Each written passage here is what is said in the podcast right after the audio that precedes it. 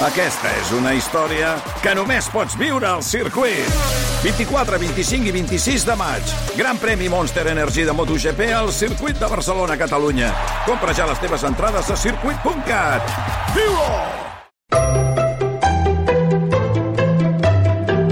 Històries per explicar a l'hora de sopar. D'avui és la d'un retrobament entre dos amants que es va fer esperar 72 anys, del 1944 al 2016. Som al camp de concentració d'Auschwitz a l'any 1943. Ell es diu Ellen Spitzer i té 25 anys, i ell es diu David Wisnia i en té 17. Tots dos són presoners jueus, capturats pels nazis. La Helen és de les primeres dones deportades al camp de concentració. Al principi la posen a fer treballs de demolició extenuants a Birkenau, molt a prop d'Auschwitz, fins que li cau a sobre una xamaneia i es lesiona l'esquena. Gràcies a saber alemany i a tenir coneixements de disseny gràfic, la Helen passa a fer feines d'oficina.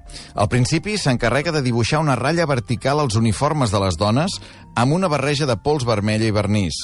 Després comença a registrar l'arribada de les altres preses a Auschwitz, a gestionar la paperassa dels nazis i a fer llistes de la gent que treballa al camp.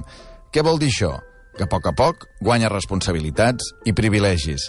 Ja es pot moure lliurement pel camp de concentració, sortir a fora de tant en tant i fins i tot se li permet, cosa estranya, que es dutxi amb regularitat. Però ella no col·labora amb els nazis, tot el contrari. Fa servir els seus, els seus coneixements de disseny gràfic per manipular documents i assignar presoners a feines menys feixugues. També filtra informes oficials a grups de resistència de la zona. Això la Helen.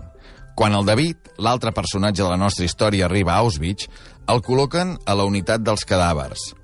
Es dedica a recollir els cossos dels presos que se suïciden llançant-se contra la tanca electrificada del camp.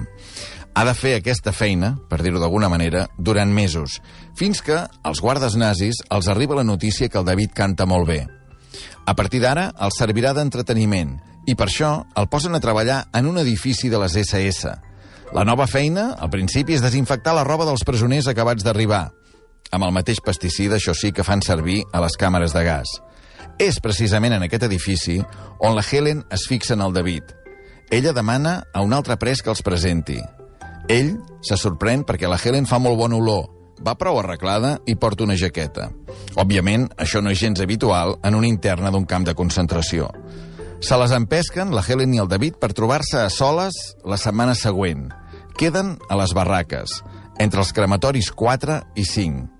La Helen ha fet un espai entre piles de roba dels presoners. L'espai just per tots dos, per estar amagats, perquè no els vegi ningú. Tenen, han trobat, el seu racó per quedar i celebrar l'amor, enmig de tanta mort. En aquesta bombolla, la Helen i el David es veuen un cop al mes. Parlen del seu passat, descobreixen que tots dos són amants de la música i la Helen li arriba a ensenyar a cantar una cançó en hongarès al David. Mentrestant, un altre pres vigila durant 30 minuts, o una hora, per si ve un guàrdia. Però a finals de 1944, la parella comença a ser conscient que les seves trobades s'acabaran aviat. Els aliats avancen i els nazis volen desmantellar Auschwitz. Els jueus els forcen a caminar quilòmetres i quilòmetres fins a altres camps de concentració. El David, per exemple, l'envien a Dachau el desembre de 1944 i a la Helen, uns mesos més tard, a Ravensbrück, on va estar també Neus Català. Abans de separar-se, s'han promès que es tornaran a trobar un dia en un centre comunitari de Varsòvia, a Polònia, quan la guerra ja s'hagi acabat. Tots dos trobaran la manera d'escapar d'aquestes marxes de presoners, ell, per exemple, agafa una pala, colpeja un guàrdia i fuig corrents. S'amaga un paller fins que veu que passen un grup de soldats. Són la companyia aerotransportada 101 de l'exèrcit dels Estats Units. El David s'integra de ple en aquest batalló, els fa d'intèrpret i els ajuda en feines civils fins al final de la guerra. Llavors, se li presenta l'oportunitat d'emigrar als Estats Units.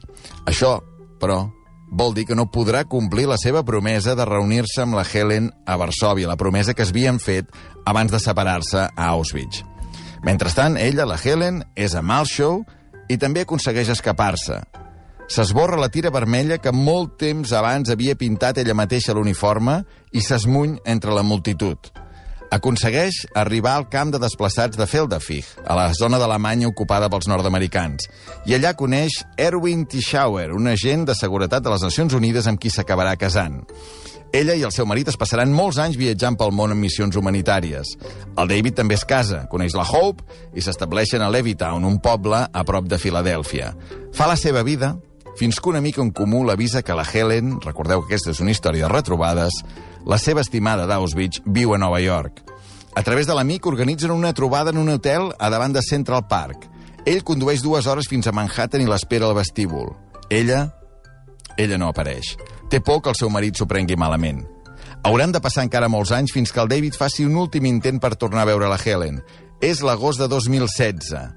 Aquest cop, ell accedeix. 72 anys des de l'última vegada que es van veure. Dos dels sis nets que ha tingut el David l'acompanyen a l'apartament de la Helen a Nova York. La troben, ajaguda, a casa, en un llit, d'hospital. Ja fa temps que s'està quedant cega i sorda. Té un assistent que l'ajuda. El seu marit va morir 10 anys enrere i no han tingut fills. Al principi no reconeix el David, fins que s'apropa, i ella obre els ulls com taronges. Comencen a parlar. Ell li explica el temps que va estar a l'exèrcit i ell els seus viatges en missions humanitàries. Després de dues hores de conversa, el David li ha de fer una pregunta. La pregunta que fa molts anys que li ronda el cap. Helen, tu vas tenir alguna cosa a veure en què sobrevisqués tant temps a Auschwitz? Ella aixeca la mà oberta. Et vaig salvar cinc vegades. Amb la mà oberta. Cinc vegades, diu ella. I encara hi ha una altra revelació.